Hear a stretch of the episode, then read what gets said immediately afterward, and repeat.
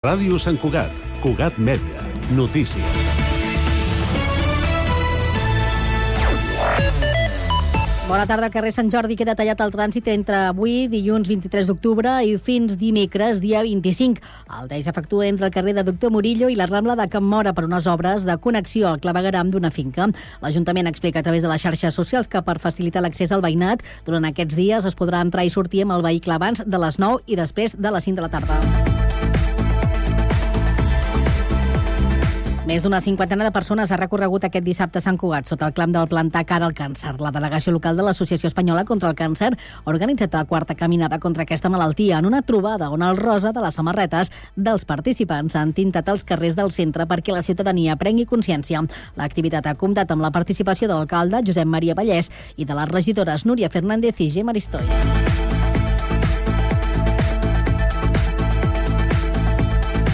El líder del PP a Catalunya, Alejandro Fernández, considera que la Generalitat no fa prou per Sant Cugat i posa d'exemple els casos de l'Escola La Mirada, del Quart Cap, de l'Hospital Públic de Referència i les reclamacions que hi hagi més presència policial. Ho ha dit aquest dissabte a la premsa local abans d'una trobada amb la militància a la Casa de Cultura.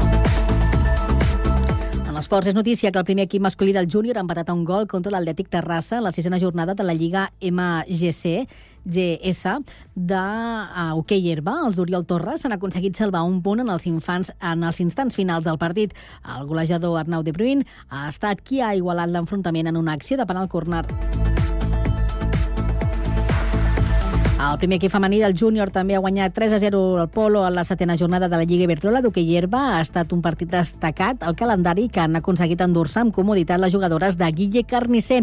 La pròxima jornada de les sancoatenques viatgen a Madrid per enfrontar-se al Club de Campo, un dels candidats al títol de Lliga. En futbol, el Sanco femení s'ha retrobat aquest diumenge amb la victòria amb una golejada contra el Viladecans. El partit corresponent a la jornada 7 de preferent ha acabat amb un 5 a 1 que porta bones sensacions a les de Juli Garcia, que venien d'un empat contra el Santa Susana. Bàsquet, el primer equip masculí de la UES, que ha perdut per 76 a 83 davant el Baxi Manresa B, en maig corresponent a la jornada 4 de la Supercopa. Els sancoatencs s'han caigut derrotats després d'un fatídic darrer quart amb moltes pèrdues de pilota, una mala defensa que s'ha vist superada des del tir exterior del conjunt de Valge, dels del Bages. Els de Gavi Payet sumen un balanç d'una victòria i tres desfetes i jugaran la propera jornada a la pista del Sabadell, que ocupa la mitja taula amb dos triomfs i dues derrotes.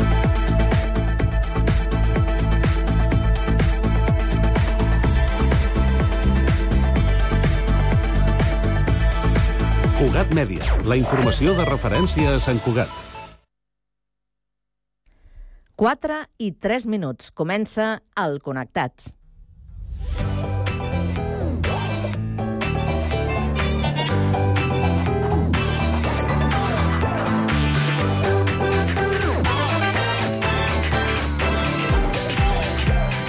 Connectats amb Carme Reversa.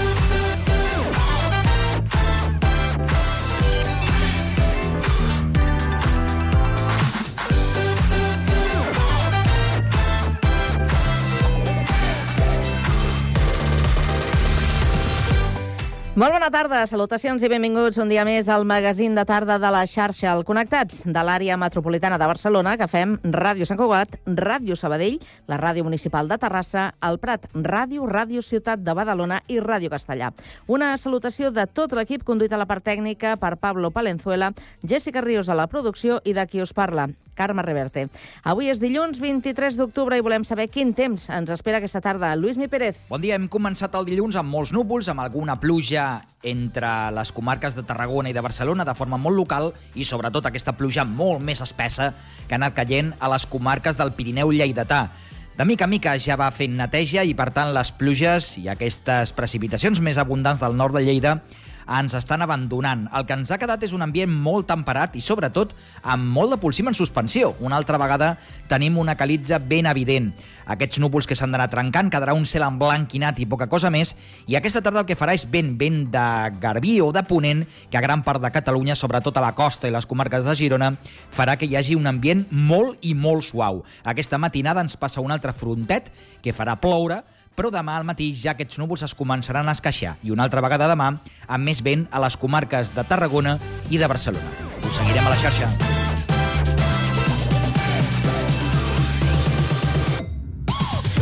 Avui al Connectats parlarem de biblioteques i de l'evolució de la xarxa de biblioteques municipals de la Diputació de Barcelona. Entrevistarem el santcugatenc Jordi Permanyer, un dels pares d'aquest sistema bibliotecari. Acabarem la primera hora amb la tertúlia esportiva per analitzar l'última jornada de la Lliga de Futbol, el Clàssic i també per parlar de Corfball. A partir de les 5 coneixerem la Societat Coral La Badalonense de la mà del seu subdirector. Continuarem amb l'espai dedicat a l'empresa per saber de Noir, una nova marca de roba Upcycling. Entrevistarem Raquel Morata, coordinadora de botigues de la Fundació Formació i Treball. I acabarem amb cultura per celebrar el desè aniversari de Tu Cantam Drums des de Castellà del Vallès. Tot això i més des d'ara i fins a les 6 de la tarda a la vostra emissora local. Connectats? Comencem.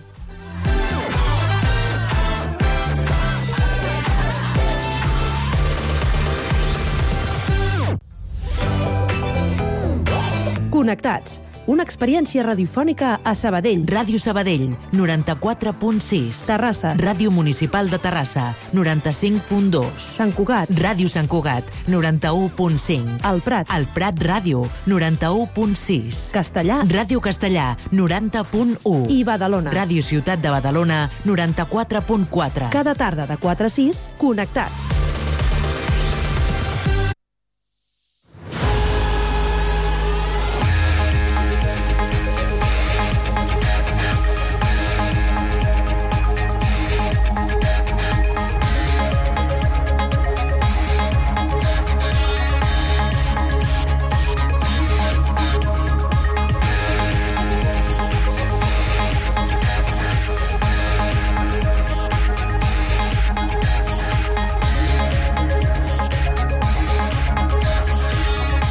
I quan passen 7 minuts de les 4 de la tarda ens actualitzem. Anem a la ronda informativa que obrim un dia més per Terrassa. Sergi Estapé, bona tarda.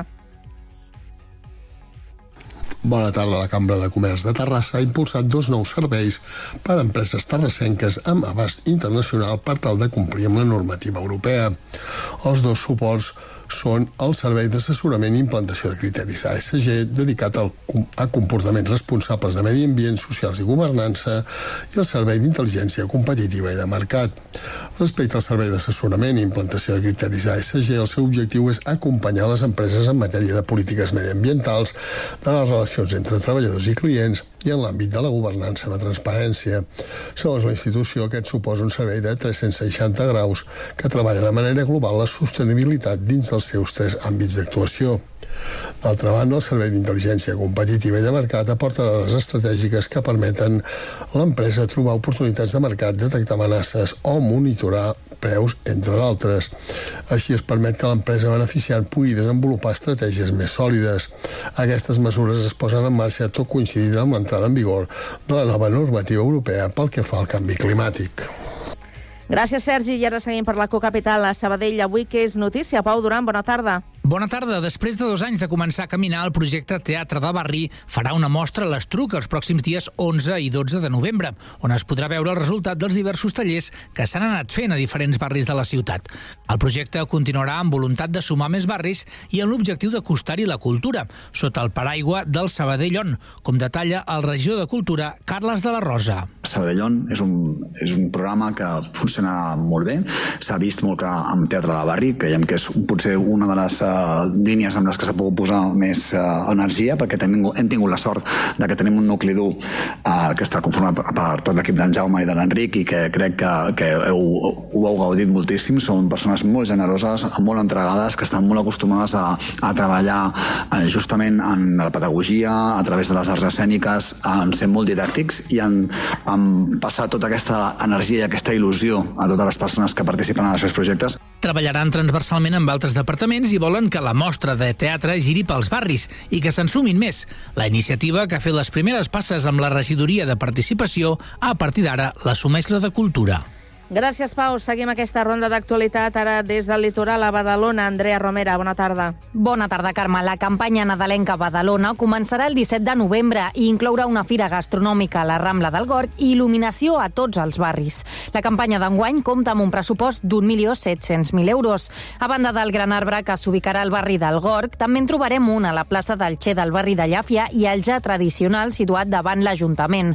El 18 de novembre serà l'encesa de l'arbre a la plaça del president Tarradellas, el més alt de l'Estat, amb 40 metres d'alçada i 15 de diàmetre, i que compta amb 82.000 llums píxel. Precisament la propera setmana i durant 10 dies començarà la seva instal·lació, que requerirà del suport de 10 tràilers.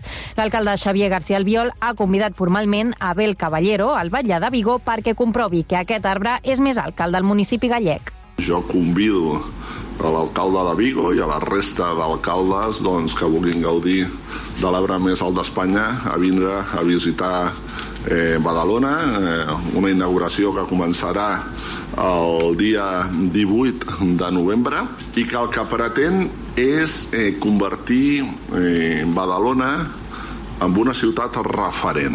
Pel que fa al campament reial, tornarà a ubicar-se al parc de Can Soleil i Calarnús per segon any consecutiu i els Reis d'Orient arribaran en helicòpter a l'estadi municipal de Badalona. La cavalcada també presenta novetats amb la incorporació de tres noves carrosses pensades per als més petits, amb personatges relacionats amb el món del cinema. Gràcies, Andrea. Seguim al litoral, una mica més al sud, al Prat de Llobregat. Lluís Rodríguez, bona tarda. La Comissió per l'Ampliació de l'Aeroport del Prat, que es va constituir al setembre de l'any passat, ha donat a conèixer fins a 11 propostes per fer créixer la infraestructura. Entre elles algunes de conegudes, com modificar el sistema de pistes o la construcció d'una altra sobre el mar. Però sobre la que més s'ha insistit és l'allargament de la tercera pista sobre els espais naturals del Delta. A diferència de fa 3 anys, en aquest cas no serien 500, sinó 840 metres més llarg i, per tant, sobrepassaria seria la Ricarda, amb un sistema de pilones que permetrien mantenir la reserva just a sota. Escoltem el president de la comissió, Lluís Moreno, qui també és alhora president de la Cambra de Contractistes d'Hores de Catalunya. Passant per sobre la Ricarda sense perdre la Ricarda.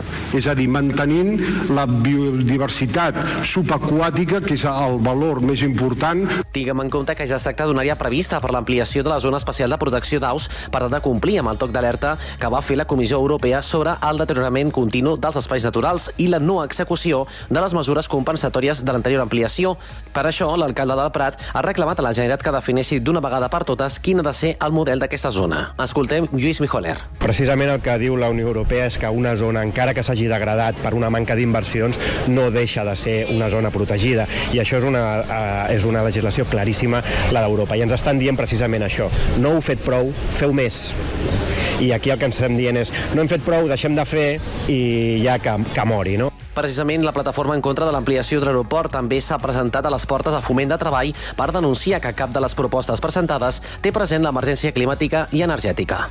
Gràcies, Lluís. De retorn al Vallès, ara ens quedem a Castellà. Guillem Plans, bona tarda. Bona tarda. Segons el darrer balanç de criminalitat del Ministeri de l'Interior sobre municipis amb més de 10.000 habitants, Castellà va patir 8,8 delictes per cada miler d'habitants durant el primer semestre de l'any.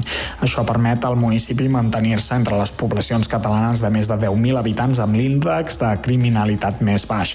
L'índex de delictes que es produeixen a Castellà està per sota, per exemple, de la mitjana catalana i ballesana. Alguns municipis veïns doblen en delictes castellà, com és el cas de Terrassa Terrassa, Sabadell o Barberà del Vallès. Gràcies, Guillem, i tancarem aquesta ronda d'actualitat amb la crònica de Sant Cugat. Jessica Rius, bona tarda. Bona tarda. El primer equip masculí del júnior ha empatat a un contra l'Atlètic Terrassa a la sisena jornada de la Lliga MGS d'hoquei Hierba. Els d'Oriol Torres han aconseguit salvar un punt en els instants finals del partit. El golejador Arnau de, Bru de Bruin ha estat qui ha igualat l'enfrontament en una acció de penal corner. El maig ha començat amb els egarencs molt més propositius, generant ocasions de perill a l'àrea santcugatenca. El maig, però, ha marxat a la mitja part amb un empat a 0. A la represa, el júnior masculí ha posat una marxa més i ha començat a aproximar-se a la porteria rival. A través de dues accions de penal corner, els santcugatencs han tingut les primeres ocasions clares de gol. En el darrer període ha arribat al moment boig del partit, quan faltaven 5 minuts, Pol Cabré Verdiell ha avançat a l'Atlètic Terrassa. Malgrat el gol rival, els blau i negres no han abaixat els braços i dos minuts després, en un penal córner, Arnau de Bruin, l'artífex del gol, ha situat un 1 a 1 en el Lluminós que fa repartir un punt per a cada equip del Vallès Occidental. El tècnic blau i negre, Oriol Torres, considera que han estat superiors a la primera meitat, però que el sistema defensiu dels terrassencs els han aconseguit desajustar. L'entrenador celebra la segona part dels seus jugadors, dels quals ha posat en valor reacció que han tingut per esgarrapar un punt crec que han sigut lleugerament superiors a la primera part, ens han aconseguit una mica desajustar el sistema defensiu, però penso que la segona part ha sigut nostra. Uh, ens han generat la jugada del gol quan érem un menys al camp, però per la resta no han tirat cap penal, no han, no han fet cap xut a porteria a la segona part, llavors penso que realment la reacció ha sigut positiva i és amb el que em quedo. De fet, estic convençut que si durava una mica més potser haguéssim pogut donar-li inclús la volta al marcador, però bueno, el resultat és, és just, la pròxima jornada el conjunt blau i negre es desplaçarà a Madrid, on es veurà les cares amb el Club de Campo, líder provisional de la Divisió d'Honor.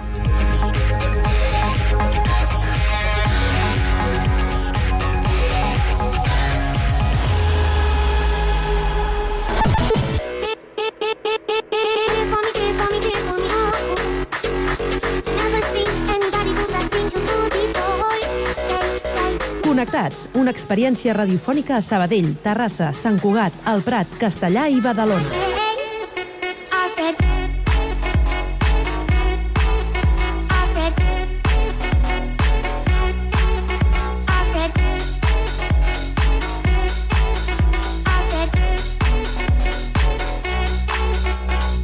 Connectats amb Carme Reverte.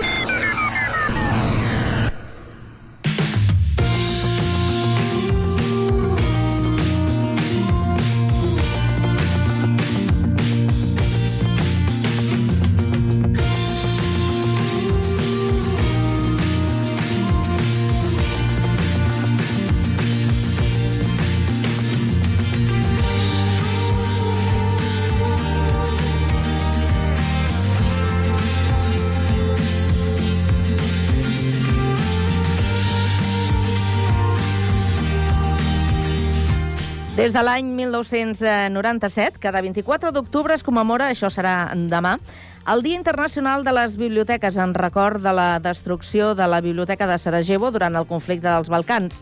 Des del Connectats avui hem volgut eh, que algú coneixedor d'aquest tipus d'equipaments i del seu funcionament ens acompanyi per parlar precisament de les eh, biblioteques i del servei que, que presten a, a la ciutadania.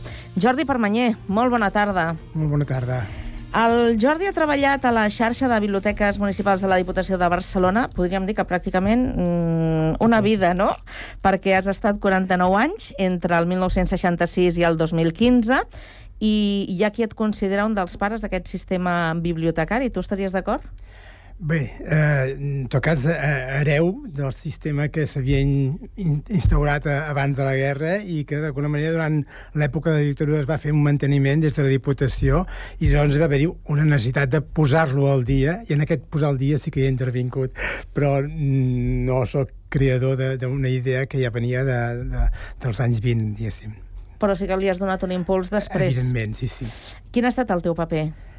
Eh, de fet, eh, a finals dels, de, dels 80 eh, se'ns va demanar que amb una altra persona, que era Nori Ventura, eh, que treballéssim amb la modernització de les biblioteques. Sortíem d'un període molt lent, molt fosc, eh, les biblioteques eren totes fosques i, i, i negres, i aleshores poder-los donar un, un aire nou, una visió nova, un, uns serveis nous. No? I en aquest sentit ens vam fixar com a model eh, el danès, perquè doncs, treballava amb, amb una visió molt més lluminosa molt més clara i molt més oberta cap a la ciutadania.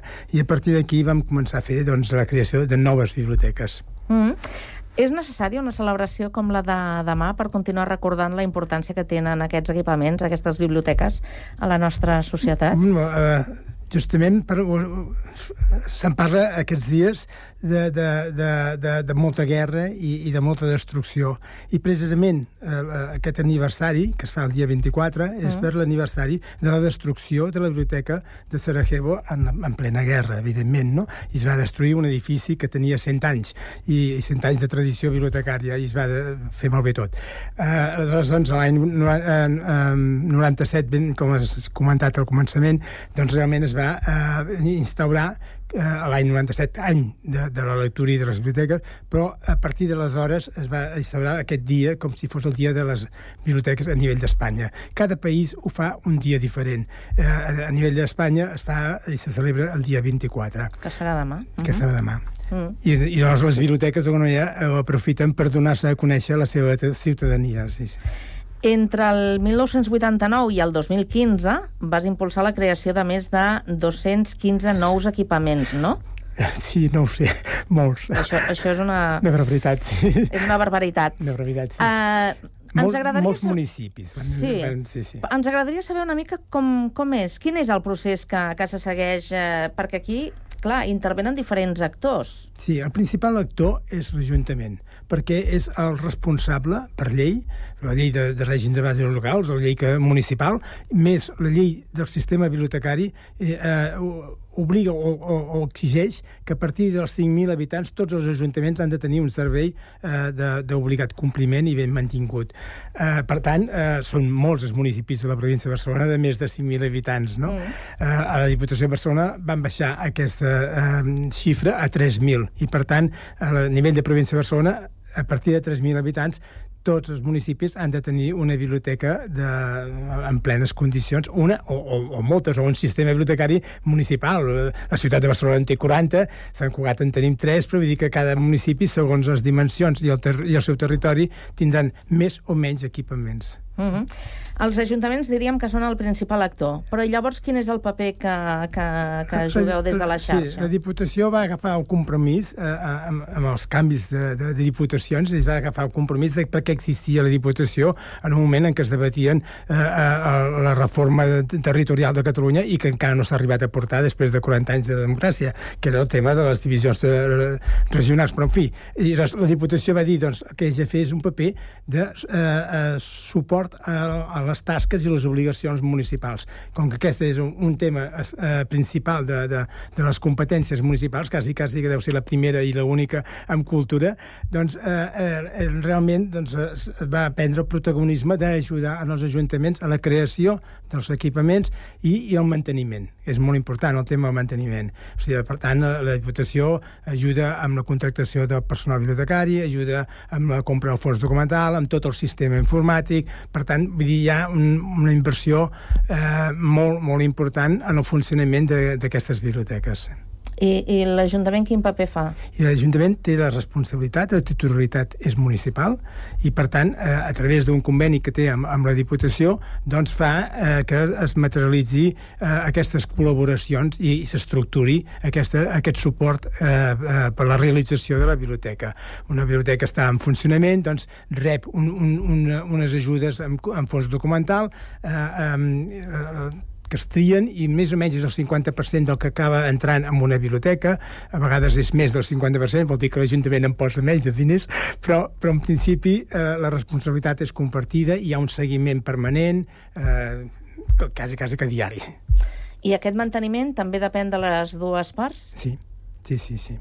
L'Ajuntament és el primer eh, responsable i titular de, de, de, de l'èxit i del funcionament i la Diputació està, com si diguéssim, a l'ombra per donar aquest suport perquè es materialitzin i perquè realment funcioni. Sí, sí. Mm. I a banda de, de tot aquest suport, diríem que més eh, logístic i material, quina és la missió principal que es fa des de, des de la Diputació? Bueno, eh, en principi es fa en temes de formació per tot el personal, es fa eh, selecció do- documental, es fa tractament del material, es fa tot el sistema informàtic, no només el que utilitza el ciutadà per connectar-se, doncs hi ha una biblioteca virtual en la qual pots arribar a trobar quantitat d'informació i de gestió.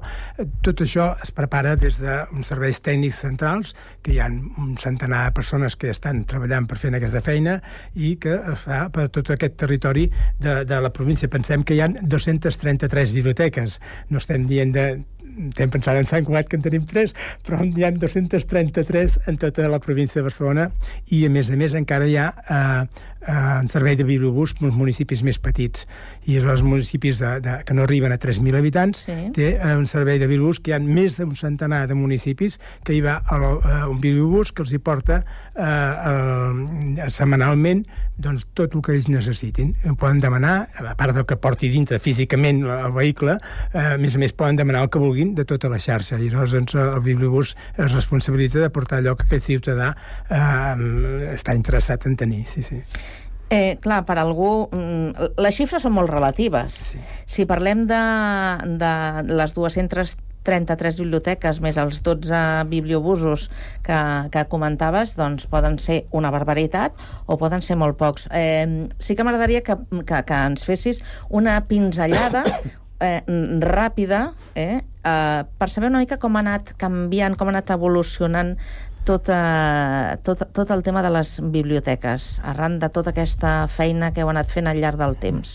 Bueno, és molt complicat, però d'alguna manera eh, el destapar eh, era aquest concepte que deia de la modernització dels espais de les biblioteques per passar a, a una altra cosa que és els serveis, millorar els serveis i fer que eh, realment s'adequin eh, aquells serveis que la biblioteca està oferint eh, eh, que s'adequin eh, exactament amb allò que hi ha la demanda, la demanda del ciutadà. I llavors, eh, eh, els espais, evidentment, si els espais són eh, còmodes, agradables, eh, mm, fa que hi hagi una afluència més gran de gent.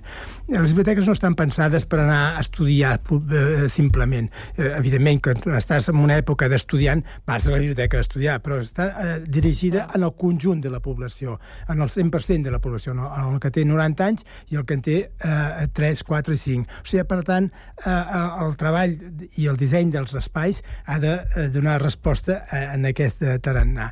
I per això hi ha eh, espais reservats en el silenci, però hi ha els altres espais que és mm, cert soroll ambiental de, de, de l'ús i, i de la freqüència de la, de la gent. Sí, sí. Mm -hmm. eh, quins són els, eh, els avantatges o les virtuts que destacaries tu d'aquest de, sistema de, de xarxa bibliotecària? Bueno, el que es fa a la província de Barcelona és bastant diferent que el que es fa en molts altres llocs d'Espanya.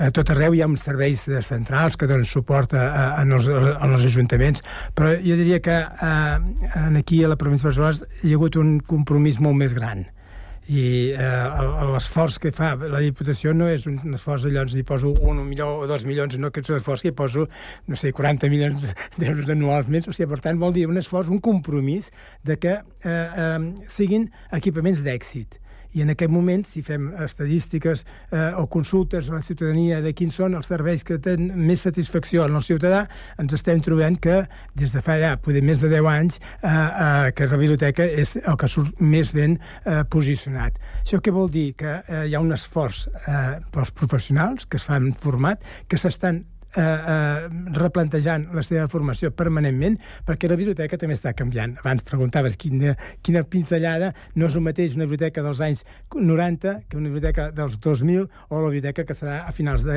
o mitjans de, de, de, dels anys 20, diguéssim, no? que el 25 i 30 seran unes biblioteques molt diferentment.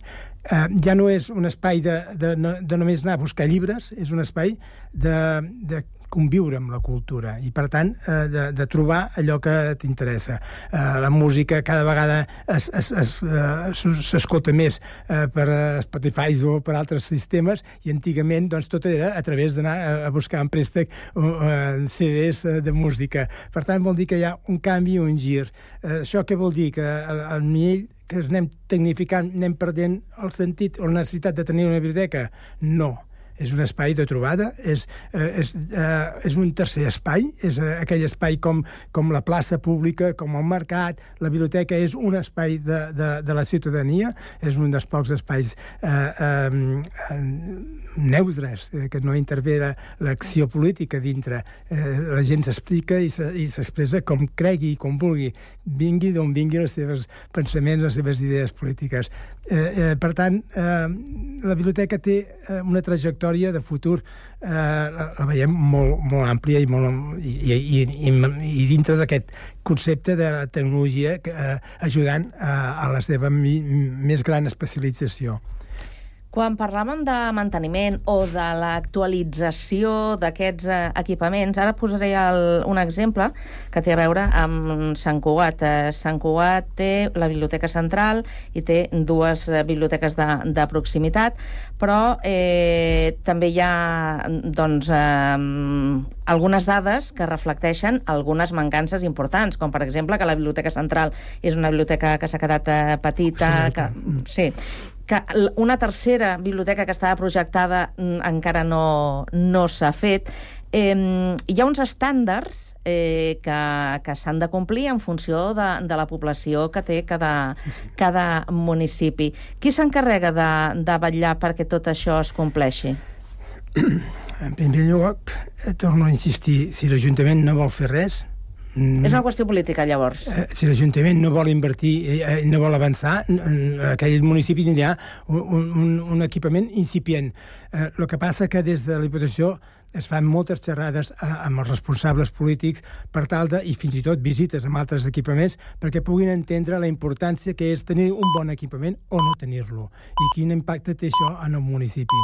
A Sant Cugat, la biblioteca central que està eh, eh, a Gravia Ferreteri, que està allà dalt, a- al costat de l'auditori, eh, té eh, un, un, és per un municipi molt, molt més petit, és per un municipi de 10.000 habitants, i la població central de, de Sant Cugat en són més de 50.000, o sigui que, per tant, ja veiem que, que no, No l'espai no, no correspon. Eh, aleshores, doncs, per tant, eh, qui és competència? La primera responsabilitat és municipal. Aleshores, pot anar a buscar ajuts eh, econòmics a la Diputació i a la Generalitat i allà on sigui necessari, no? Però eh, qui n'ha d'estar ben convençut és eh, el projecte polític que en aquell Ajuntament vulgui tirar endavant en relació a la cultura, diguéssim. Uh -huh. Ja que hem parlat de Sant Cugat, eh, també m'agradaria eh, citar els municipis que pertanyen a aquest programa, Badalona, el Prat, Sabadell, Terrassa i Castellà, formen part d'aquest Connectats. També es compleixen en aquests municipis Tots, els, els estàndards? Tots ells, eh, eh, bastant. Eh, has parlat de Sabadell, de Terrassa, a Sabadell tenim una, una xarxa mo- molt ben munta, molt ben instal·lada, molt ben, i la Biblioteca Central complint el seu paper, a Terrassa exactament igual. Em deies també Bada- Badalona, Badalona. Badalona també. La Biblioteca Central va estar eh, per motius X eh, eh, un, un temps tancada per eh, problemes en la seva edificació, ara torna a estar operativa, eh, però té altres biblioteques també de xarxa, eh, igual com eh, Hospitalet, em sembla que deia, no, El Prat. El Prat, el Prat també, exactament. Terrassa? Terrassa, I Terrassa Castellà. mm, també, i Castellà també. Sí, tots, tots aquests municipis estan eh, amb, amb Estan donant un bon, un bon servei. Sí, sí, sí. Uh -huh. sí, sí. Jordi, estem acabant el temps i hi ha una última qüestió. Quan parlaves de, de les eh, biblioteques, de com han canviat, eh, que no és el mateix una biblioteca dels anys eh, 90 a les biblioteques actuals, no. jo et pregunto per la biblioteca del futur, com seran les biblioteques d'aquí, posem, 10 anys? Bueno, No sé si te l'has imaginat, no, eh? No, no, és molt difícil imaginar-la, però eh, sí que podem eh, mm, veure pinzellades de com va evolucionant. Ara mateix, eh, aquest any han donat el Premi, i, i el Premi FAT i el Premi eh, de la millor biblioteca de, de, del món amb una biblioteca de Barcelona, que és la biblioteca Gabriel García Márquez, que està al barri de Sant Martí, i eh, eh, no dic que hi anem tots a visitar-la, però sí que eh, ens n'adonarem que el, el seu funcionament i la seva circulació de la gent per dintre és enorme i no, i no eh, respon als, als equipaments que tenim clàssics, a vegades d'una sala rectangular i unes parets forrades de llibres. O sigui, és per dir que realment és un altre concepte i trobes llibres o hi trobes eh, el que sigui. Hi trobes eh, unes... Eh, eh, pantalles per consultar o hi trobes eh, mm, unes tablets, eh? pots agafar la tablet a dintre i amb, amb la tablet anar fent tot el teu recorregut bibliotecari que necessitis fer eh, per dintre de la biblioteca. Vol dir que la, la tecnologia entra a l'espai bibliotecari i ajuda a que la ciutadania es vagi trobant de gust en aquest espai, que és el seu espai. Sí, sí. No deixaran ser, de ser un espai per compartir, no? No, no, al contrari, tot el contrari. Al contrari cada, cada vegada més s'hi van fent activitats i compartir, i això per això dic que la, la festa de demà, que deies del dia 24, és una festa de la biblioteca. No és una festa que es programi a nivell global, sinó que és una festa que cada municipi, segons creu, desenvolupa i amb record el que dèiem abans de la destrucció de Sarajevo. Doncs Jordi Permanyer, moltíssimes gràcies per haver acceptat la nostra invitació i haver passat pel Connectats, a explicar-nos doncs, mm, com funciona tot aquest eh, món de, de la xarxa de biblioteques. Que vagi molt bé i bona tarda. Moltes gràcies a vosaltres.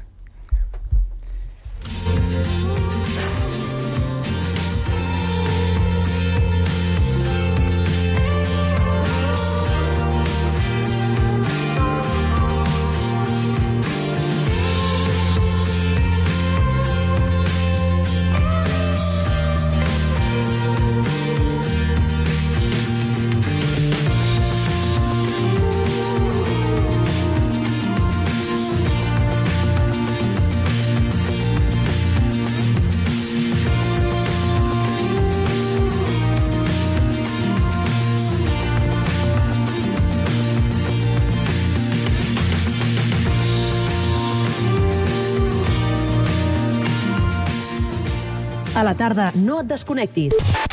A la teva ràdio local, connectats. Can't touch this. You can't touch this.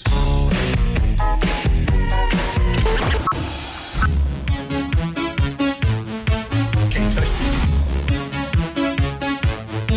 Can't touch this. Connectats amb Carme Rebell.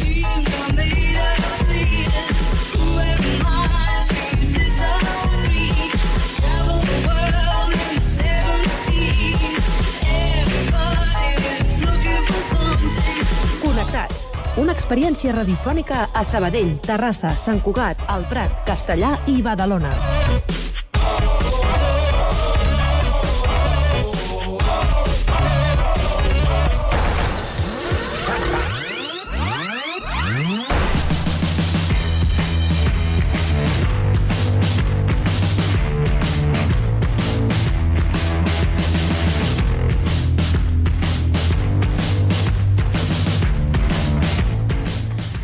Passen 5 minuts de dos quarts de 5 de la tarda, és a dir, que anem amb un cert eh, retard a la nostra cita amb la tertúlia esportiva.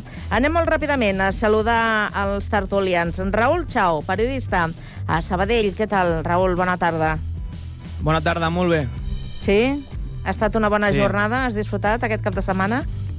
Bueno, amb, amb la part local que toca no, no massa, no? És a dir, vam, vam perdre contra, contra el Depor, malgrat que van haver-hi 6.700 espectadors a la Nova Creu Alta, que és una molt bona xifra.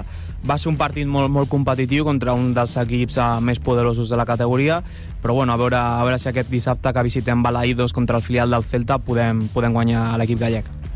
Vinga, doncs esperem que, que així sigui. Anem a Terrassa, Carles Silvestre, atleta. Què tal? Bona tarda. Hola, bona tarda, Carme. Com bona estàs? tarda a tots. Bé, home, molt bé. Sí? Aquí. I sal saludem a la tercera integrant, la Jessica Rius, també periodista, la tenim aquí a l'estudi de Sant Cugat. Jessica, bona tarda. Bona tarda, Carme. Seguidora del Barça, de... Bueno, tu segueixes tot el que pots, no? De diverses coses, sí, si pogués, si tingués temps més, inclús. Molt bé, doncs eh, començarem com és habitual per fer un repàs de la jornada de- d'aquest cap de setmana. Una jornada que jo no sé a vosaltres, eh, però jo ahir vaig fer una becaina mentre veia el Barça. Eh, Doncs jo no.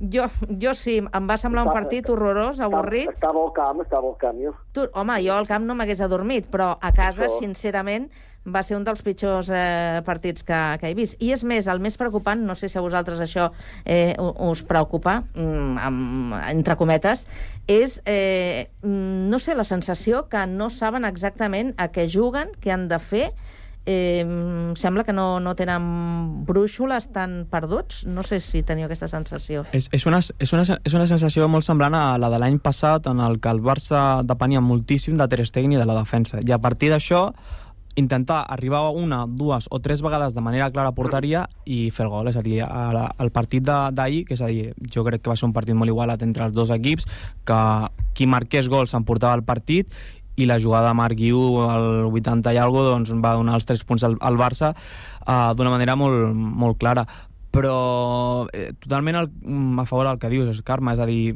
a mi em, em va faltar una mica de, de verticalitat, una mica de profunditat, una mica més de velocitat amb, amb els passes. Pensava que amb l'entrada a la min això, això es veuria pues, mm, que revolucionaria una mica el partit, però ni així, no? És a dir, jo crec que el Barça també té un problema que ho dèiem amb, amb tertúlies de, del començament de temporada, i és que té una plantilla molt curta. arran d'això, amb totes les lesions que té, ahir només tenia 12 jugadors de, del primer equip i aleshores eh, dimecres tenen Champions, dissabte el Clàssic, la setmana que ve més i més i més i més. Aleshores, això jo crec que és un problema i això està afectat també a la manera de, de jugar del, del Barça. Totalment, a mi aquesta sensació me la dona cada vegada que hi ha diverses baixes, cada vegada que veus que hi ha tres, quatre persones assegudes a la graderia que no estan a, al camp o a la banqueta, amb el Barça sembla que hagi d'anar amb cuidado.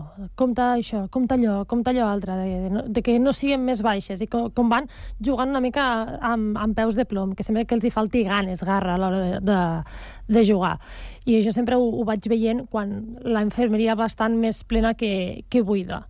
I ahir, si miràvem la banqueta, gairebé el 90% era, si no veig malament, del, del Barça B. Teníem una banqueta íntegrament del, del filial. Llavors, és plantilla curta i, i bé, vam tenir sort que va sortir un nano del filial i va fer el gol, però igual en un altre partit eh, contra un altre rival només et queda posar gent del filial i que tot vagi a pitjor no ho sé, falta... I sort que quan surten els del filial o aquests jovenets que, que van debutant aquesta temporada, com a mínim, eh, ni que siguin el primer compromís, eh, els hi surt bé l'estrena, el, el debut, com ahir, en el cas de, del Marc eh, Guiu. Eh, Carles, tu com, Bé. com ho veus? No estic massa d'acord amb vosaltres, però bueno. Sort, que, sort, que, sort que estem malament u- a un punt del líder i sort que estem malament. Eh? A veure, influeixen les baixes, sobretot al centre del camp, de Jong Pedri.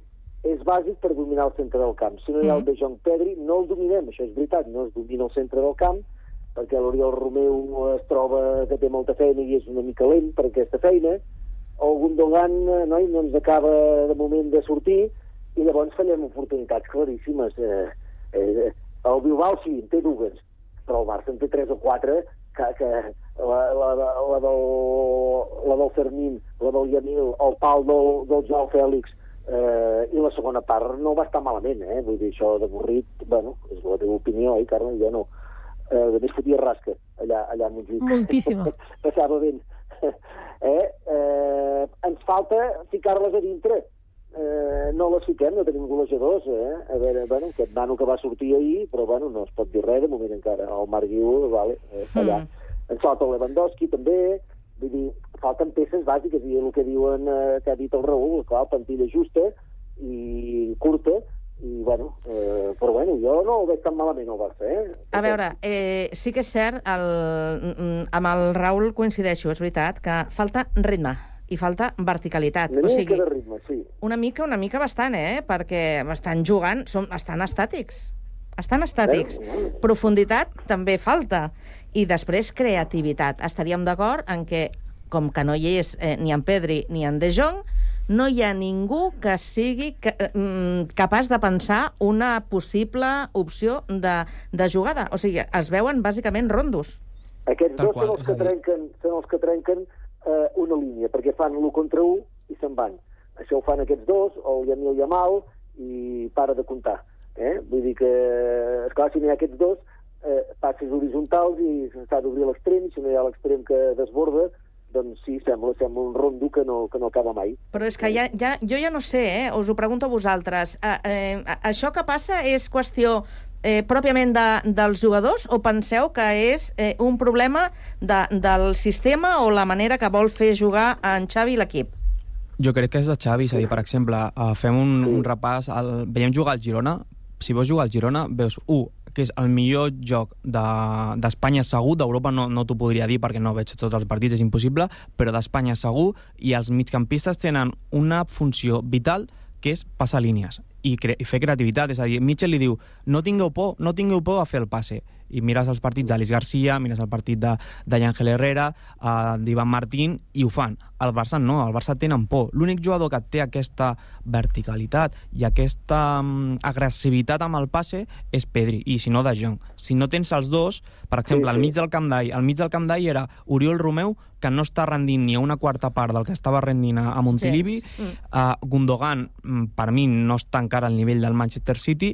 Gavi Fermín, Gavi sobretot pica molt bé a l'espai, que això és un, una, una qualitat molt positiva d'ell, i Fermín, que va molt bé al ramat, com, com es va veure ahir, com s'està veient durant tota la temporada. Però cap dels quatre té aquesta um, creativitat a, a l'hora de fer l'última passada. Aleshores, si no tens Pedri, si no tens um, De Jong, tens un problema. I aleshores, aquest problema potser l'hauries d'utilitzar per crear a través de les bandes, però és que si la mina el, el guardes pel, perquè estava tocat també, si mm, Joao Fèlix és el nou i si Ferran és l'únic extrem pur que tens, aleshores tens un problema.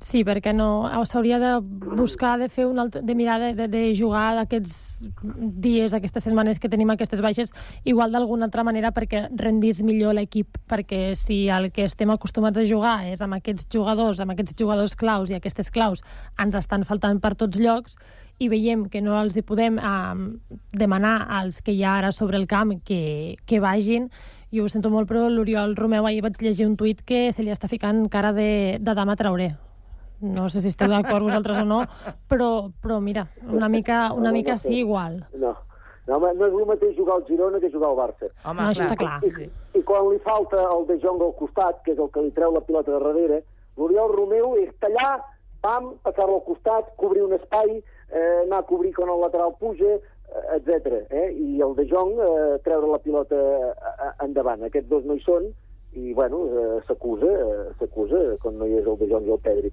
eh? i el Lewandowski també davant, vulguis o no, encara que no, eh, només per la fama que té ha d'estar vigilat pels dos centrals.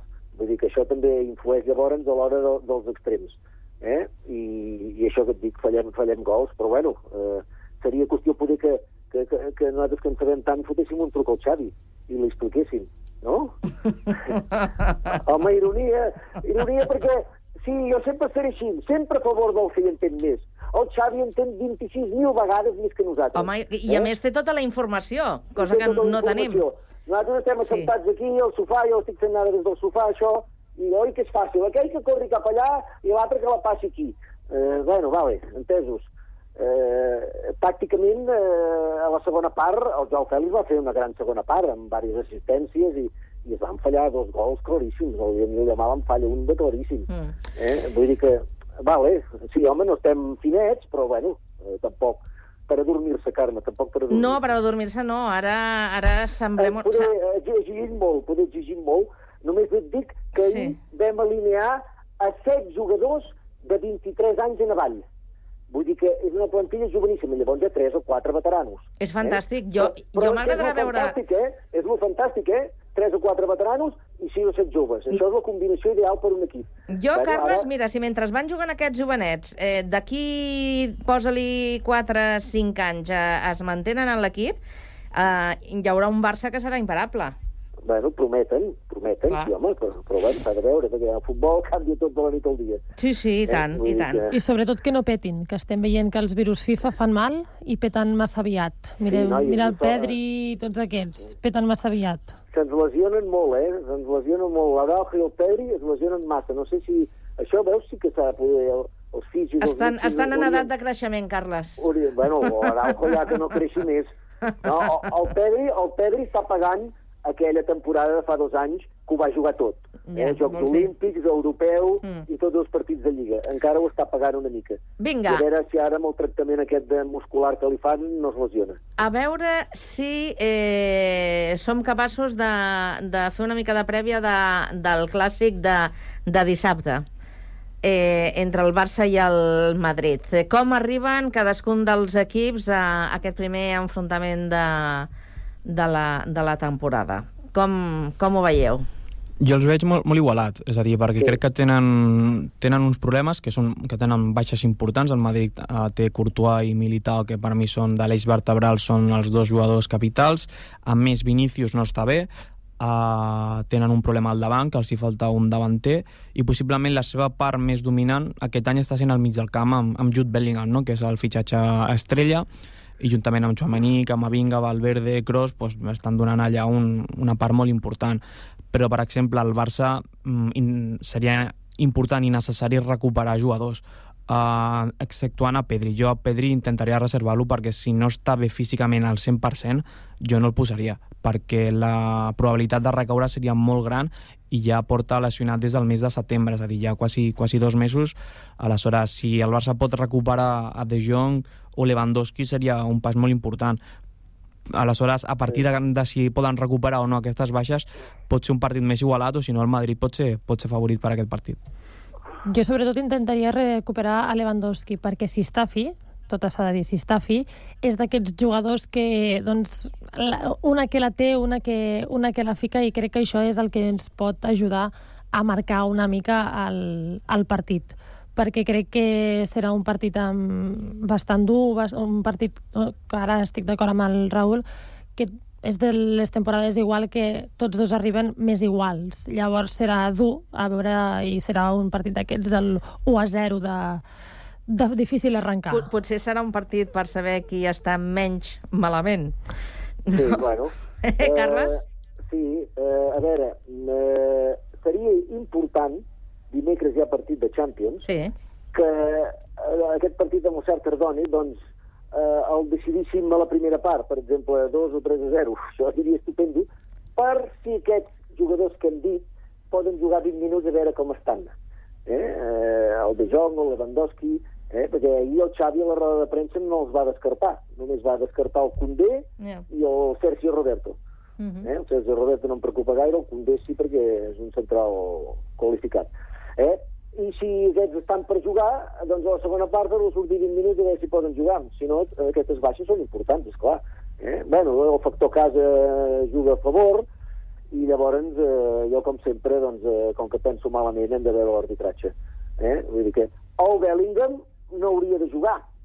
Eh? Aquella patada, aquella trepitjada que li fot a, a, a, en el Rakitic a terra, diran, sí, no, no, no la va fer expressament. Bueno, és igual que la, no la fot expressament. No hi ha cap defensa que digui, ara li vaig a trencar la cama. Eh, penso jo que no n'hi ha cap. Eh? Eh, les entrades són les entrades. Li fot la patada al mig de la... I no es va ni revisar, aquesta jugada. Ni revisar. Ho, veure, ho veurem, a veure què... No, sí, últimament els arbitratges estan per revisar, però... No, a, Madrid es queixen, eh? A Madrid es queixen, allò de, de Telemadrid no es pot aguantar. Hmm.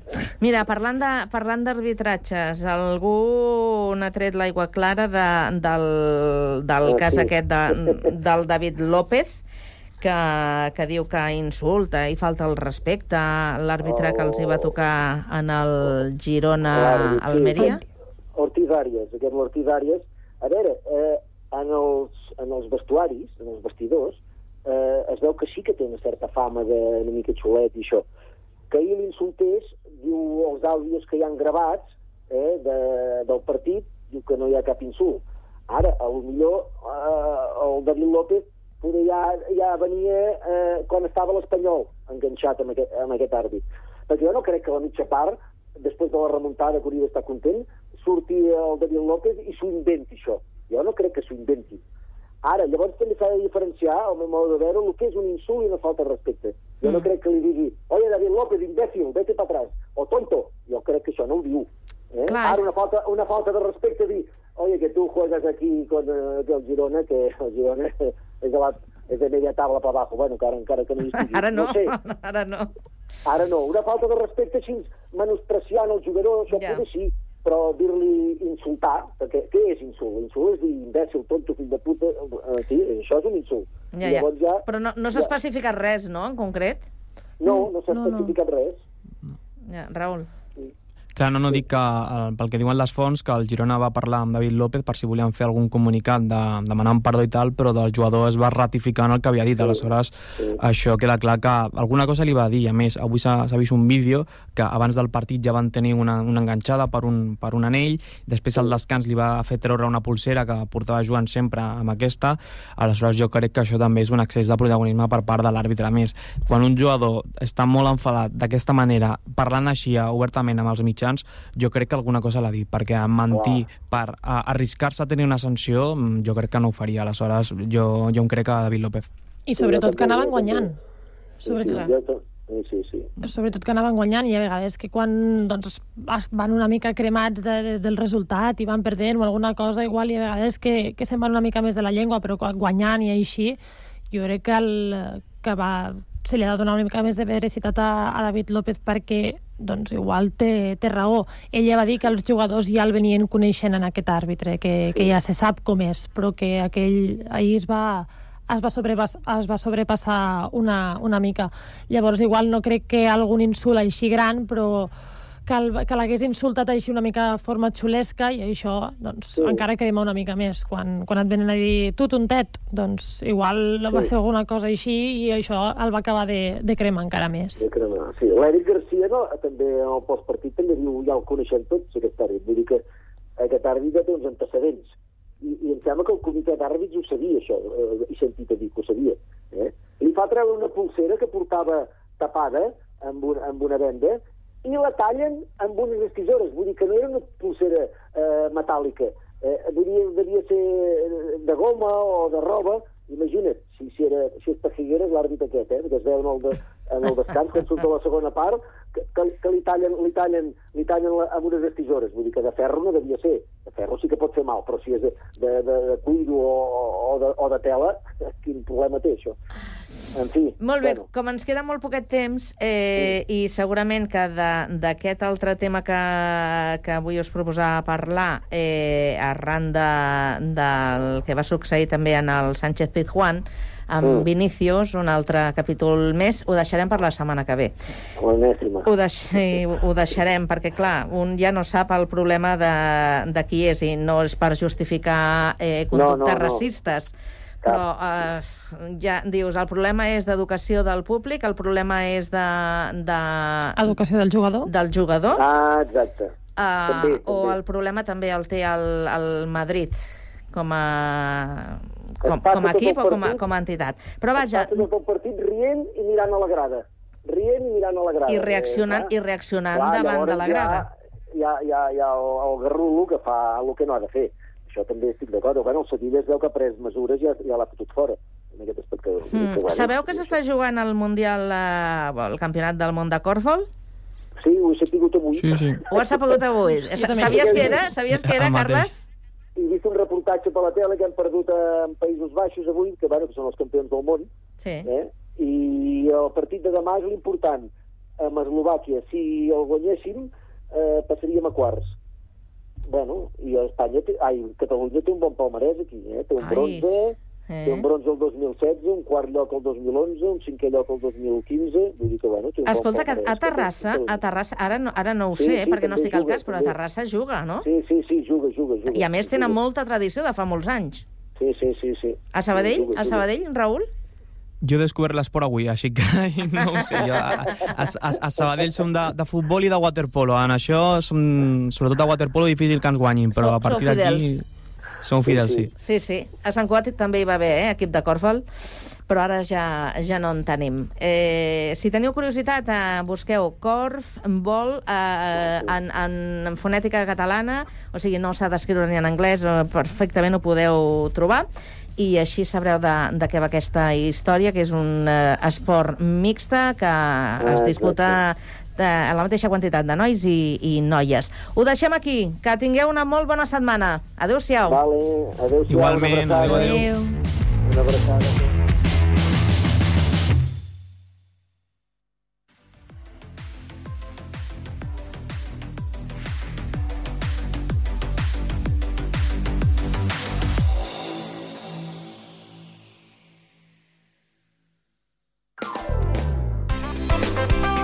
Ràdio Sant Cugat, Cugat Mèdia, www.cugat.cat. La banda sonora de la teva vida a Ràdio Sant Cugat.